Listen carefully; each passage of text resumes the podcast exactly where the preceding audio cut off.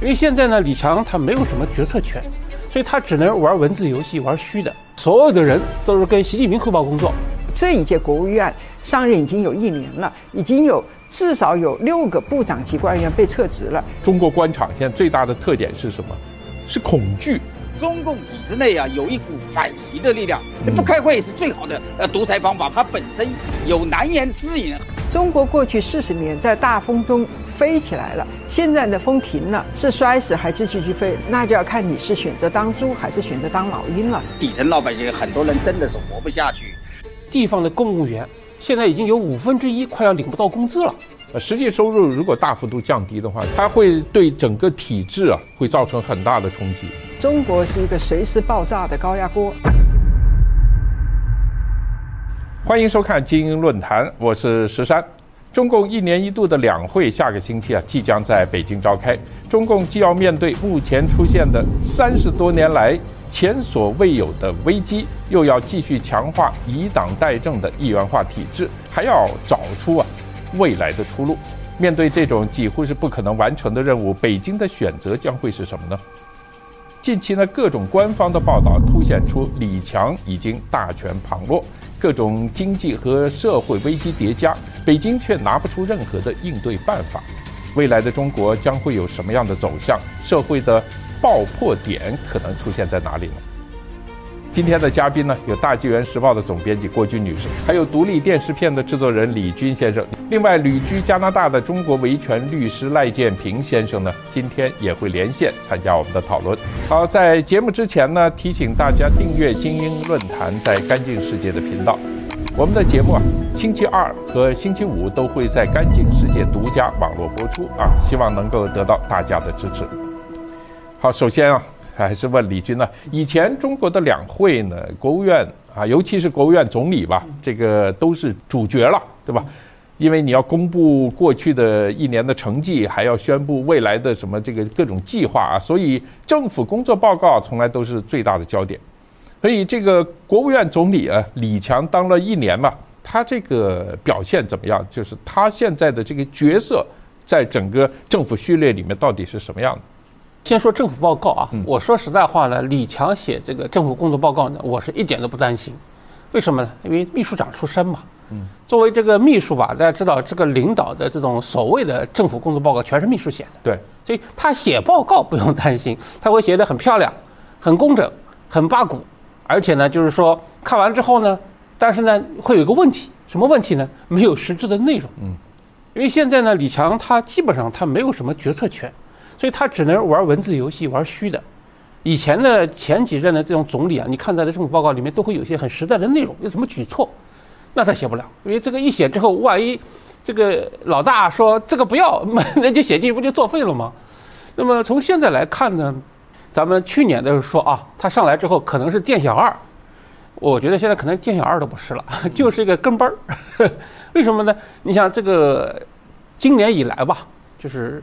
像二月二十六号，呃，新华社发头条，什么就是这个中央政治局书记处书记、全国人大、全国政协、最高检察院、最高法院等等，全面向习近平述职。对，啊，这种大片的报道，我觉得大家都是要跟他汇报工作的，而且这个他不是第一次了，就是从今年一月份以来，因为一月四号有一次述职，一月大概是三十一号也报了一次述职。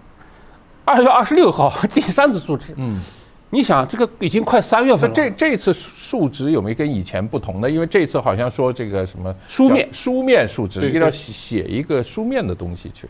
所以，那么其实我觉得，就是为什么这个一个述职要报三次，而且这个都三月份了，按理说早就该忙二四年工作了。述职嘛，你是总结去年的工作，啊，对不对？现在已经都快三月份了。其实我觉得媒体这样。一个炒作呢，用意是非常明显的。就现在所有这些事情，都是习近平定，啊，所有的人都是跟习近平汇报工作。那么大家要分清楚这一点，特别是在两会前大头报道，用意是非常清楚的。就大家知道，这个唱主角的啊，不是李强了，也不是国务院了，哎，也不是国务院了。那么现在国务院的一个具体情况呢，我最近看到一些报道，我觉得真的是不可思议了，已经就是说，一些国务院内部的。工作流程的一些会议，什么这个工作流程调整啊，工作的一些方式方法调整啊，对这个东西应该不需要习近平参与的。现在都是提交中央啊，习近平这个表态啊，亲自亲自批准啊，然后国务院里头的其他部门，你像什么交通部也好，什么工业信息产业部也好，啊，包括发改委也好，就这些部门，他们现在也是直接跟习近平汇报工作了。那你说李强还能干啥？工作流程要你定，然后这个我的部门也向你汇报工作，我不就得下来跟班吗？你所以你的意思以后啊，两会的主角就不是国务院，对不是这个总理了。所以我们未来要看两会发生什么事情，主要这个这个目光要转移了。哎，对，以前呢，就是说两会其实也是很无聊的，说实话，因为我们做媒体都知道。但是呢，好歹他还有一个什么总理的记者招待会啊，对，这个还有政府报告，看看明年会怎么样啊。那下面这个热点呢，我估计以前还有这个，我们都是做记者都知道，很多记者会去门口堵这个部长，哎，现在不能堵了。就可可能好几年前就已经不行了吧？嗯 嗯，你现在堵了也没用，部长不会说任何话的。现在你想，总理都不说话了，我部长说话不找事儿吗？对，对吧？你问什么是问他，对吧？反正就是现在他说了算嘛这。一定有官方的一个统一的说法。问题是今年呢，我们知道呃一定会这个报一个二零二四年经济增长的这个计划啊，这个数字是吧？去年是百分之五点二嘛，什么实现了如何如何？今年这个这个数字很多人关注，你怎么看今年这个数字？这个数字呢，我个人认为它不会超过五点二，啊，可能会低一点。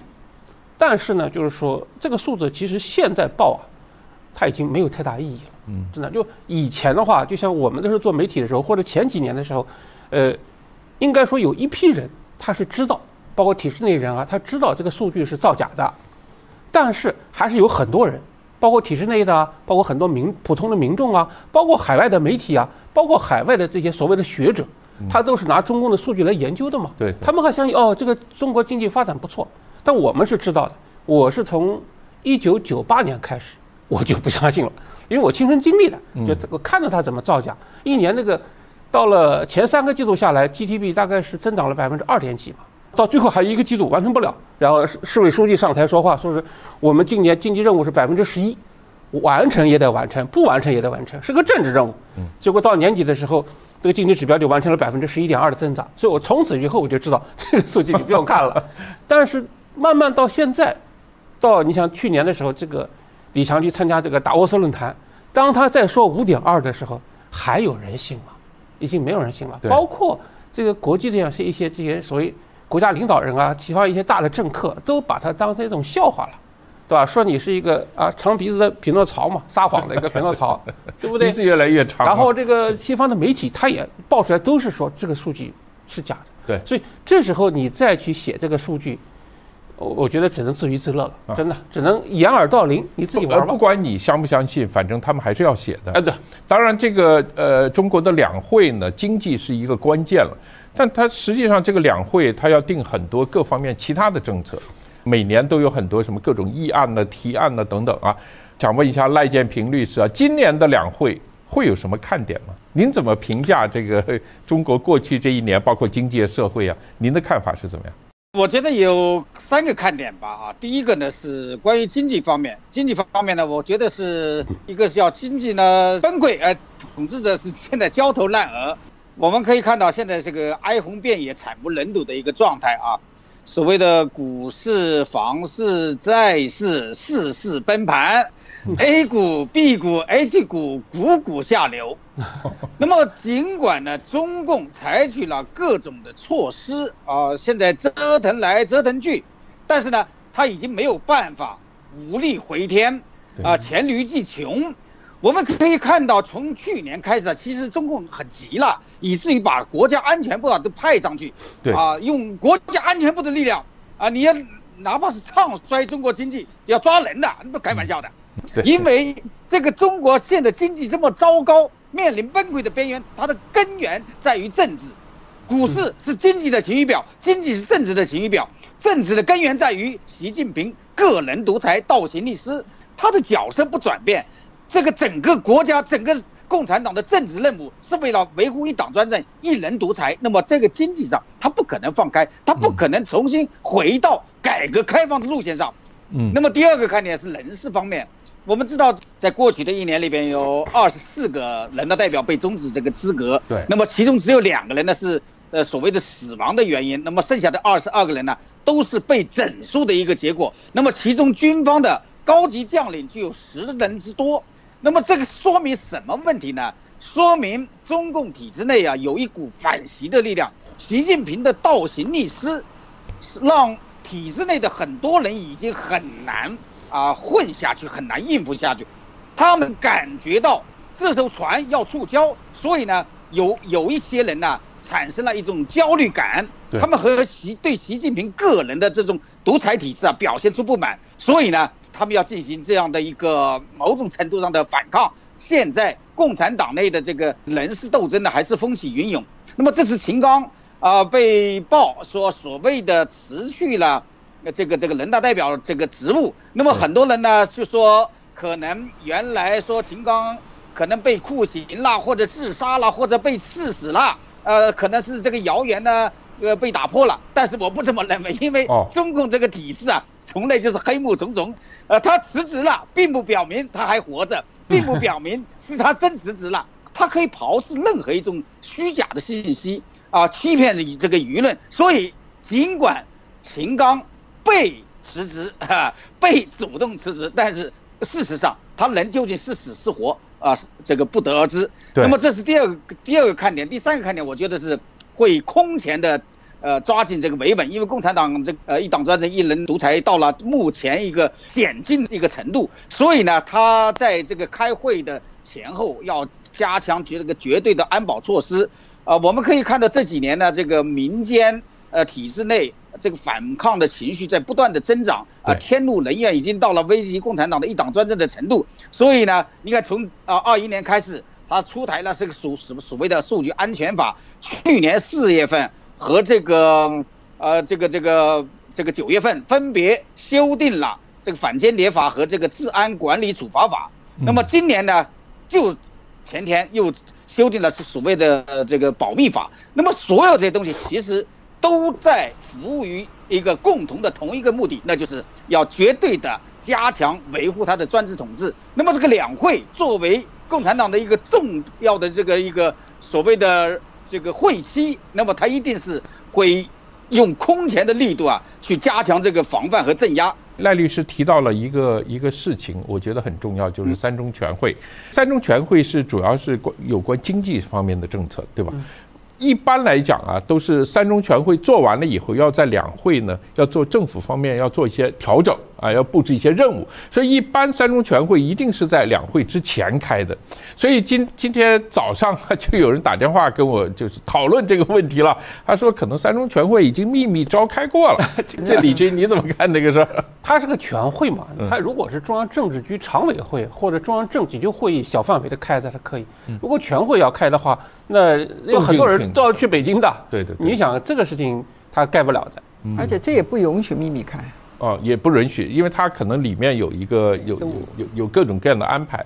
当然了，今天跟朋友也在讨论，是说，因为这个所谓的全会的意思，最重要的就是要体现这个民主集中制，要体现这个集体的妥协。各个不同的人呢，代表各种不同的声音，然后大家在里面讨论。现在不需要了，对吧？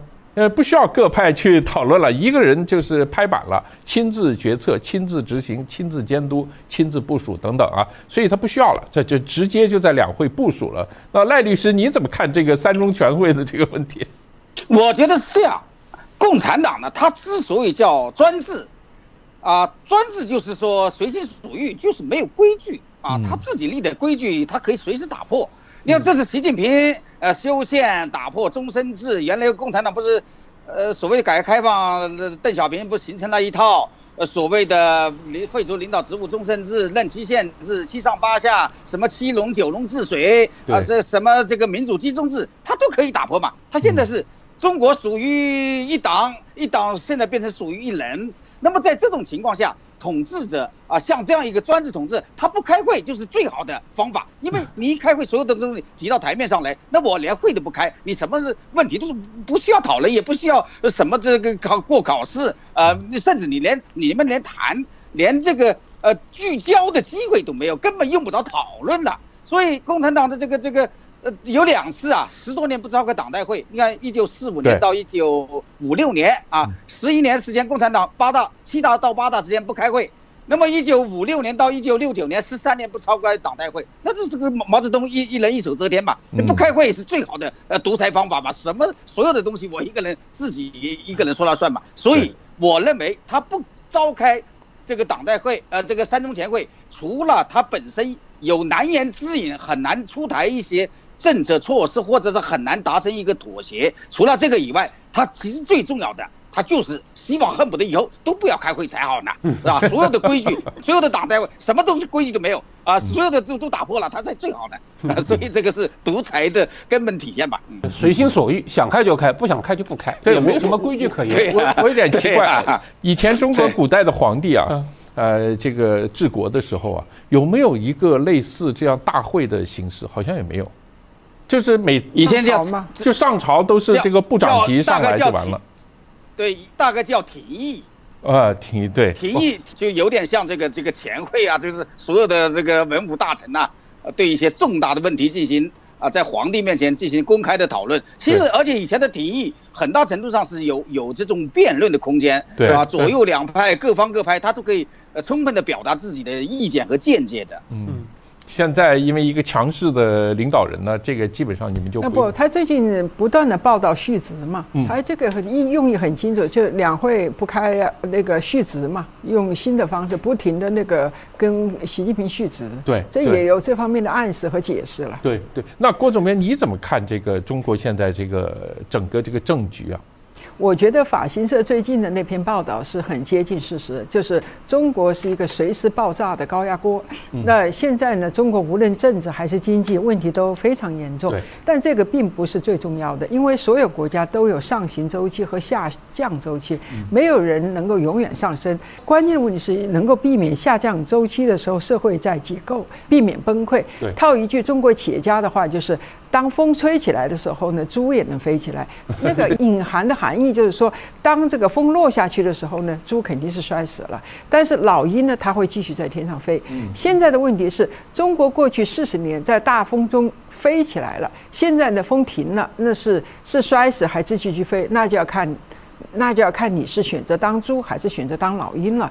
那共产党的问题制度运行的核心是政治权利，一切都围绕着这个政治权利在运作，领袖的权利啊，政党的权利啊，这个是他们的最大利益。而国家民族和老百姓的利益呢，是排在很后面的。对，所以中共很多政策呀，老百姓呢是看起来就不合理，也看不懂。或者是用基本逻辑、基本常识看起来都不合理，但放在中共的这个逻辑中去看呢，它是它却是必须的和必然的。所以中共有很多荒谬的政策、荒谬的措施，比如说经济问题，所有人都知道，企业是最关键的，企业家是最关键的，哈。呃，上海不是有一篇文章说最重要问题是放权和放手吗？对对。那中共他不知道吗？他当然知道，只是他知道不能放权，再继续放权，共产党的这个政治地位就会出问题。如果从社会发展比较宏观的角度看呢，社会的权利是由暴力啊、财富和知识这三个重要部分组成。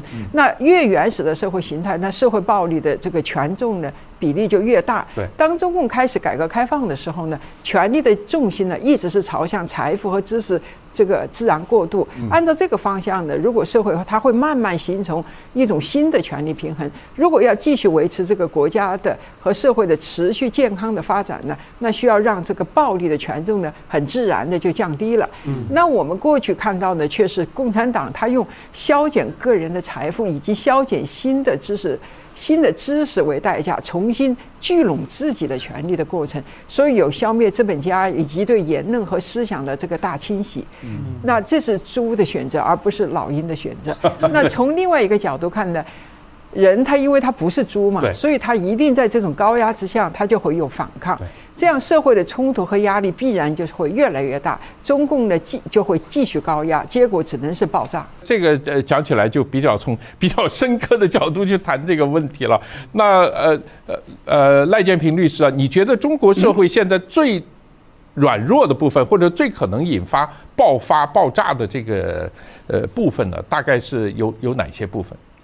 我觉得是两个部分啊，一部分是底层老百姓，因为底层老百姓很多人真的是活不下去，很多人做点小生意，啊，这个面临倒闭的这样的这个风潮，因为现现在经济形势那么糟糕，整个一个大缩水，社会财富、经济形势大缩水，所以很多小企小业主他们没有办法，无以为继。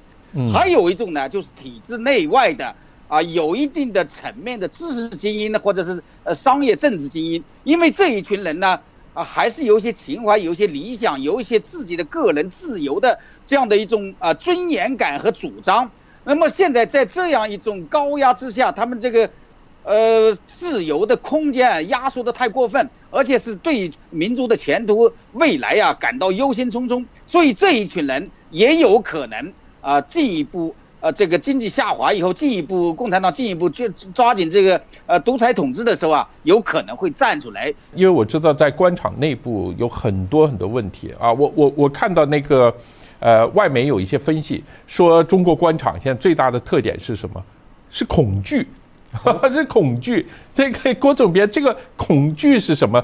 这个官场的普遍呢，大家很害怕，非常恐惧这种东西啊，这种情绪。它会对中国未来有什么样的这个影响吗？其实影响人类行为的这个内在因素呢，就有两个，一个就是欲望，一个就是恐惧。那放在政治学上分析呢，就是所谓的这个发展和安全嘛。国家如此，个人同样去如此。那那用中国哲学看呢，就是阴阳平衡，就像太极图一样。哈，恐惧是核心，啊，恐惧是欲望的核心。那欲望的核心呢，就是恐惧。这是这个太极阴阳这个图里面。那其实，在讨论国家和政社会的时候呢，大部分的时候，这是一个相对平衡的场景。就如果平衡，它就这个社会就稳定；如果不平衡，它就处在一个调整和变动当中。那回到中国的政治问题呢？现在中国官场上支配性的因素就是恐惧。那我认为，习近平本人的恐惧是压倒性的。而且是他个人推出的政策越失败越烂尾，这种恐惧就越大。那最近北京大搞这个，刚才李军说到，我们就大搞高高官续职。那我们看到所有的政治局委员以上的官员、副国级以上的官员都要书面向习近平续职。那续职的核心内容。是政治上的这个，无非就是两个维护，就是维护习近平的权威，维护中央的权威，基本上就是向他习近平个人表忠的一个一个行动吧。那另外呢，这一届这一届国务院上任已经有一年了，已经有。至少有六个部长级官员被撤职了，这是以前从来没有见过的。呃，连毛泽东那个时候都没有到这个程度，这是极不正常的。这都是一种个人恐惧投射的一个结果。那官不聊生，官心不稳，结果就是躺平、赖政、惰政、体制崩溃，这个运作失衡。其实从应该说，二零二一年开始吧，就是你看各个地方都开始说这种所谓的这个地方政府啊、公务员啊。呃，一些减薪潮已经开始了，对，各种各样的。那么包括长江三角洲啊、珠江三角洲啊，包括什么湖南、湖北啊，包括什么北京啊等等。他我看到湖北的啊，一个一个一个网民他自己说，他说我原来在我在这做公务员，一八年入职的，原来大概年收入五万，现在工资都降了，年终奖也降了，降来之后大概他算了一下子，大概要跌百分之十五。那么北京的啊，北京的一个也是一个所谓公务员人员，他也说他的工资。大概要降百分之十左右，就是政府的规定。就现在呢，就是说我工资不降你的，听见工资没降，但是实际上公务员工资是有限的，绩效奖金对要扣掉，然后呢，这个一些不合理的福利要扣掉。那那你想啊，那公务员本身就靠那个吃饭的，因为因为大家计算的时候啊，不是说你这个名称不不重要，重要的是实实际收入是呃实际收入如果大幅度降低的话，这个是影响非常大，它会对整个体制啊会造成很大的冲击。刚才那个郭总呃郭总编说的那个就是法新社，他是那个他前央前面的一个主编嘛，嗯，他采访了那个一个就是女士啊，她也是体制的一个女士。那据他这边采访的反映情况，那形势更严峻。他是说，他所了解的情况是，除了北京以外，因为北京在保护，对，说以外的这些地方的公务员，现在已经有五分之一快要领不到工资了。这个很减薪的问题不。是减薪啊，是领不到工资啊，而且说一些地方像四川啊什么都很厉害，说是，那么包括一些公立的医院，所以现在收入也降得非常厉害。对对所以这种情况下，我觉得，呃，地方财政没有钱了之后，房地产一直往下跌，到最后地方财政没有合理的收入之后，这后面带来的问题，我觉得是二零二四年更大的。尤其是地方政府的财政啊，呃，不够了。中央支付的呃转移支付的这个财政也也没钱的话啊，第一波影响的一定是学校，嗯，呃，这个医院的少少部分钱，还有呢就是这种临时性的岗位，比如说辅警，呃，辅警拆了很多 还有街道的一些什么治安员，也就是说，它很容易造成基层政府的一个瘫痪。会出很大的问题，就像郭总编刚刚讲，躺平啊、惰政啊，这关心不稳的官吏不聊生，这个可能会带来中国后期大家想不到的一些问题出现。呃，希望呢，大家呃所有的中国人都能够平稳过渡吧。嗯，呃，这个要要，反正大家各自保重。好，因为今天的时间呢就这么多，那我们非常感谢三位嘉宾啊，也谢谢各位的收看，我们下次节目时间再见。